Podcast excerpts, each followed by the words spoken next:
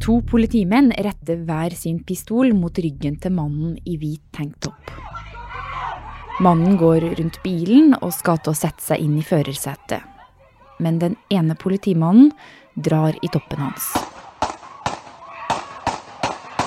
Og skyter han sju ganger. Det her er ikke første gang en svart mann som Jacob Blake blir skutt av politiet i USA. Og det er ikke første gang det har ført til store demonstrasjoner.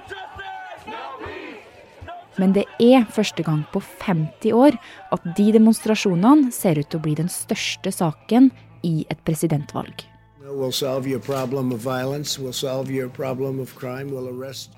Republikaneren Donald Trump og demokraten Joe Biden forteller hver sin historie om uroen i USA. Begge vil snu det som skjer, til sin fordel i presidentvalgkampen. Så hvem gjør det best? Du hører på Forklart fra Aftenposten. Jeg heter Marit Eriksdatter Gjelland. I dag er det torsdag 3. september. Joe Biden han håper å fremstå som en mann som prøver å gjenforene et land som i dag er preget av raseri og skarpe skillelinjer. Mens Trump på sin side han prøver å fremstå som mann som skal gjeninnføre lov og orden, gjerne ved bruk av makt. Kristoffer Rønneberg er utenriksjournalist i Aftenposten og har fulgt presidentvalg i USA de siste 16 årene. Hvis man ser på USA i år, så er det to store ting som har preget det landet. Det ene er selvfølgelig pandemien, som jo preger oss alle. Og så er det andre det er spørsmålet om undertrykkelse og forskjellsbehandling av afroamerikanere. Noe som heller ikke er et nytt tema, men det har blitt veldig stort i år. Og I begge disse sakene, altså både pandemien og dette med rasespørsmålet i USA, så ser vi klare politiske skillelinjer, der demokrater og republikanere står på hver sin side. Trump og Biden de kjemper om en ganske liten gruppe med velgere som eh, ennå ikke har bestemt seg. Og den måten de håndterer disse to store sakene på, det kommer til å bli helt avgjørende for hvem som vinner dette valget 3.11. Og vi starter med den sittende presidenten, Donald Trump. The violent left-wing civil unrest, and again in Portland alone, the federal government has already taken care of and arrested Mannen som i snart fire år har holdt pressekonferanser i Det hvite hus og styrt landet under koronapandemien, med rekordhøy arbeidsledighet og sviktende økonomi. Altså Hvis det er noe Trump ønsker, så er det å slippe å snakke om koronapandemien og den økonomiske krisen som har oppstått eh, pga. dette viruset. Og Derfor så kommer disse demonstrasjonene egentlig på et ganske gunstig tidspunkt for ham. og Hovedargumentet hans det er at demonstrantene er pøbler og anarkister i byer der det er demokratene som sitter ved, ved makten. Og Hvis folk ikke stemmer på Trump, så vil disse problemene spre seg til forstedene, mener Trump. Altså, Kristoffer, Har han rett i, i noe av det her, da? Ja, På en måte så har han det. Eh, demonstrasjonene de skjer som regel i større byer, og de større byene i USA de er i hovedsak ledet av politikere som tilhører Det demokratiske partiet. Chicago og Portland er to eksempler som Trump gjerne liker å trekke fram. Men samtidig så snur jo Trump ting på hodet, fordi det folk er sinte for, er jo at innbyggerne behandles ulikt i landet ut ifra hvilken hudfarge de har. Og Det er i bunn og grunn et spørsmål som går utenfor det partipolitiske. Det handler om grunnleggende skjevheter i det amerikanske samfunnet. Og når Trump snakker og de, de tingene han sier, altså, hvem er det han hovedsakelig henvender seg til da med denne retorikken? Trump henvender seg ofte til, eller han snakker i hvert fall ofte om, folk som bor i forstedene. Han forteller dem at de står i fare for at folk fra indre by skal komme og bosette seg i disse forstedene. Eh, og da skal det ikke så mye fantasi til for å lese mellom linjene i det han sier. Fordi de fleste som bor i forstedene, de er hvite middelklasseborgere. Og de fleste som bor i indre by, det er svarte innbyggere med ganske lav inntekt. Trump han besøkte jo også Kenosha i Wisconsin, byen der Jacob Blake ble skutt og endt som lam. Og hvor det har vært protester en god stund nå. Altså, Lokalpolitikere de ba han om ikke komme took a really incredible tour. Hvorfor dro han dit likevel? Jo, Trump besøkte Kenosha nå på tirsdag uh, av flere grunner. Og det ene er at uh, det var i denne byen Jacob Blake ble skutt syv ganger i ryggen i, i, i forrige, forrige, uke, forrige helg. Og så var det her en 17 år gammel Trump-tilhenger skjøt og drepte to demonstranter litt senere den, den uken. And, uh, And he fell, and then they very violently attacked him. Kenosha er altså blitt et slags midtpunkt for både Black Lives Matter-bevegelsen og for alle som hevder at USA trenger en lov og orden-president som kan få slutt på all uroen. Eh, den andre grunnen til at eh, Trump eh, valgte å dra til Kenosha, det er at Wisconsin er en veldig viktig delstat i valgkampen. Dette var en av de tre delstatene som avgjorde valget i 2016. Pennsylvania og Michigan var de, var de to andre. Og det kan fort bli veldig jevnt i eh, Wisconsin også i, i år. I Kenosha, eh, som er et slags mikrokosme av Wisconsin, der vant Trump som den første republikanske presidenten på 40 år i 2016, og han vant med bare 255 stemmer. Så det er veldig jevnt der. Ja, så da hadde han faktisk en del gode grunner da, for å komme akkurat hit. Absolutt, og eh, han utnyttet for så vidt situasjonen for å snakke til sine velgere. Han, eh, han omtalte demonstrantene som terrorister. Og, og, han unngikk å nevne Jacob Blakes navn. Han møtte heller ikke familien hans. Så de som var sinte på ham fra før av, de er ikke noe mindre sinte nå, men han gjorde kanskje litt for å overtale de folkene i forstedene til at det er han som skal sikre lov og orden. Mens Trump kjører hardt på det for å få flere velgere, så gjør Joe Biden noe helt annet. The incumbent president is incapable of telling us the truth, incapable of facing the facts, and incapable of healing. He doesn't want to shed light, he wants to generate heat, and he's stroking violence in our cities. Joe Biden er mannen som fremdeles er huska for sin tid som visepresident med Barack Obama, og som kan bli USAs eldste president om han blir valgt. Biden prøver å finne en slags balanse. Eh, på den ene siden så vil han fordømme voldsbruk fra alle parter. Og på den andre siden så prøver han å si at demonstrantene har rett i at USA sliter med et grunnleggende problem og en grunnleggende ubalanse i måten afroamerikanere behandles på. Har han eh, rett i noe av det? Jeg tror det er veldig liten tvil eh, om at det er store forskjeller mellom svarte og hvite amerikanere selv i dag.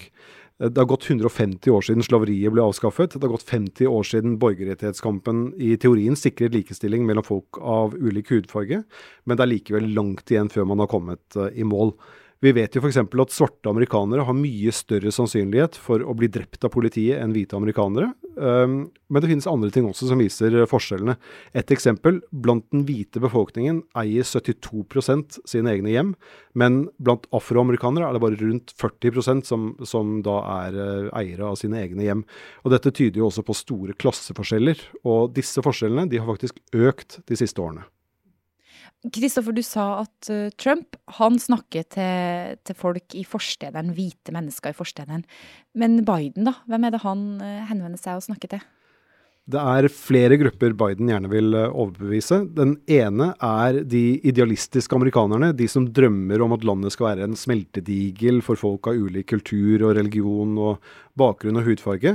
Dette er den samme velgergruppen som lot seg begeistre av Barack Obamas løfte om å ta landet forbi de skillelinjene som har skapt uro i landet så mange ganger tidligere. Samtidig ønsker Biden å appellere til ikke-hvite amerikanere, som blir en stadig større del av eh, velgermassen. Selv om afroamerikanere i veldig stor grad stemmer på demokratene, så er det helt nødvendig for Biden å overbevise dem om at han er en mann som de kan stole på for å skape en bedre og mer likestilt fremtid. Ellers kan det hende at de heller blir hjemme enn å stemme på ham, eller at de kanskje til og med stemmer på, på Trump. Biden håper også å nå ut til andre folk med minoritetsbakgrunn, ikke minst folk med opphav i Latin-Amerika. Her er det mange velgere som fortsatt sitter på, på vippen. Så for å oppsummere, da. Biden og Trump de bruker den samme konflikten, altså kampen for likeverd og likestilling for afroamerikanere, for å sanke stemmer, men de retter seg mot to veldig ulike velgergrupper, og de bruker veldig ulike argumenter. Så det store spørsmålet da blir hvem som klarer å formidle sin fortelling best. Ender amerikanerne med å stemme på en redningsmann som kan gjenforene USA og samle folket? Eller en redningsmann som kan slå ned på volden og skape ro og orden? Noe av problemet i amerikansk politikk det er at frykt alltid selger. Derfor er dette noe som brukes i nærmest hver eneste valgkamp. Uh, man kan se det ganske langt tilbake også. I 1964 f.eks. så laget uh, valgkampfolkene til demokraten uh, Lyndon B. Johnson, som også da var president, en reklamefilm som i dag er kjent som Daisy Girl. Six, eight, nine, nine. Der er det en liten jente og en atombombe som er de to viktigste virkemidlene. Vote for President Johnson on November 3rd. The stakes are too high for you to stay home. Og etter den kampanjen så var eh, listen liksom lagt. Og det Trump gjør nå, det er riktignok ikke å true med en atombombe, men han sprer likevel frykt og sier at det det bare er han som kan forhindre at USA går tapt til anarkister, pøbler og kanskje verst av alt sosialister. Men frykt er jo et tveegget sverd, og det er jo helt klart også store velgergrupper som ikke kjøper det Trump har å selge, eller som blir frastøtt av måten han, han selger det på. Amerikanere er jo veldig ofte optimister, og et positivt budskap kan også være veldig effektivt i en valgkamp, eh, også som den vi har i år. Da Barack Obama ble valgt i 2008 f.eks., så var det jo mot alle odds som en ung, ukjent fyr. Men det Obama gjorde, var at han var utrolig flink til å fremme et budskap om at i USA, der er alt mulig. Og det budskapet der det kan man ofte nå langt med når man snakker til amerikanske velgere. Trumps fordel er jo at han også har dette som et våpen i sitt uh, valgkamparsenal. For når han sier 'make America great again', så er jo det i sin natur et optimistisk budskap om at ting er kanskje kjipt nå, men de kommer til å bli bedre. Ja, ikke sant. Det gir litt uh, håp, rett og slett. Så det er både frykt og litt håp.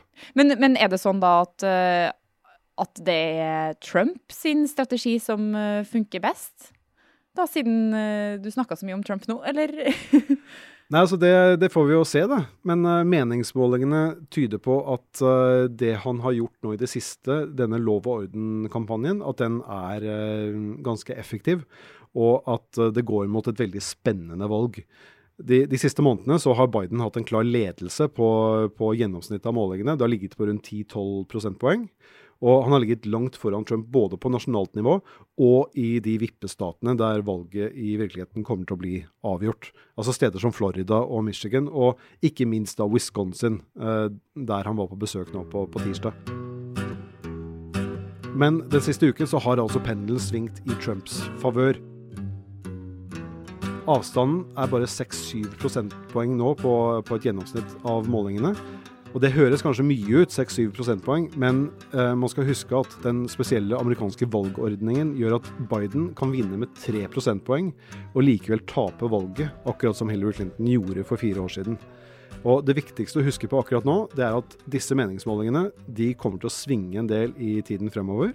Og at det sannsynligvis også kommer til å dukke opp nyheter om kandidatene som kommer til å påvirke valgresultatet. Det er alltid en October surprise i amerikanske valgkamper.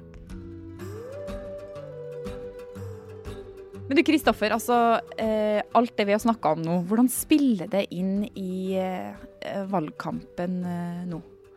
Jo, alle disse demonstrasjonene og debattene knyttet til rase og likeverd, eh, de er helt klart de største siden 1960-tallet. Jeg tror det er veldig mange amerikanere som har fått seg en ganske kraftig oppvekker etter drapet på George Floyd eh, nå i sommer, og etter at Jacob Blake ble skutt i, i Wisconsin nå det er i hvert fall inntrykket jeg får når jeg snakker med folk jeg kjenner i USA, at det føles annerledes og større denne gangen enn hva det har gjort i tidligere runder. Og det er flere som krever at systemet nå skal endres, at det holder ikke å gjøre små ting, man må gjøre noe stort for å få bukt med de skjevhetene som gjør at svarte og hvite amerikanere ofte har veldig ulike forutsetninger for å lykkes i USA. Men samtidig så er det også mange som blir oppildnet i motsatt retning. Altså folk som frykter at deres posisjon i samfunnet er truet, og at uh, de derfor blir motivert til å støtte Trump i dette valget, fordi de tenker at han kan bidra til å sikre ro og orden for dem. Og dette, denne dynamikken her den har preget valgkampen i stor grad allerede. Og man kan godt argumentere for at det som skjedde i Kenosha forrige helg, har hatt større påvirkning på valget enn hva landsmøtene til de to partiene tidligere i august eh, hadde. Men uh, igjen, det er fortsatt to måneder til valget. Mye kan skje, og mye kommer til å skje. Kristoffer, hva er best for hver av dem, også Trump og Biden, om opptøyene fortsetter eller gir seg? Jeg tror i hvert fall at Joe Biden på ingen måte er tjent med at landet er så urolig som det er nå. Det er veldig få som ser på ham som noen form for eh, redningsmann. Eh, de som stemmer på ham, de gjør det i hovedsak fordi de ønsker å bli kvitt Donald Trump. Men så kan man jo også spørre om Trump er tjent med at opptøyene fortsetter. Kellyanne Conway, som fram til i forrige uke var en av hans nærmeste rådgivere, hun sa nylig at svaret på det er ja. At Trump tjener på at det er uro i amerikanske byer. Eh, og mye tyder på at dette er noe han tror på selv også, eh, og at det var en av grunnene til at han dro til Kenosha. Svaret på dette det får vi ikke før 3.11, eh, og som Trump liker å si, we'll see what happens.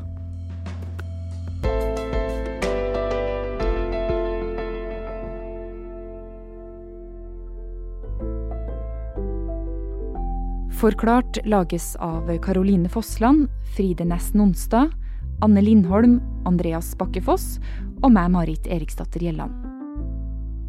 I denne episoden har du hørt lyd fra nyhetsbyrået AP og det amerikanske Library of Congress.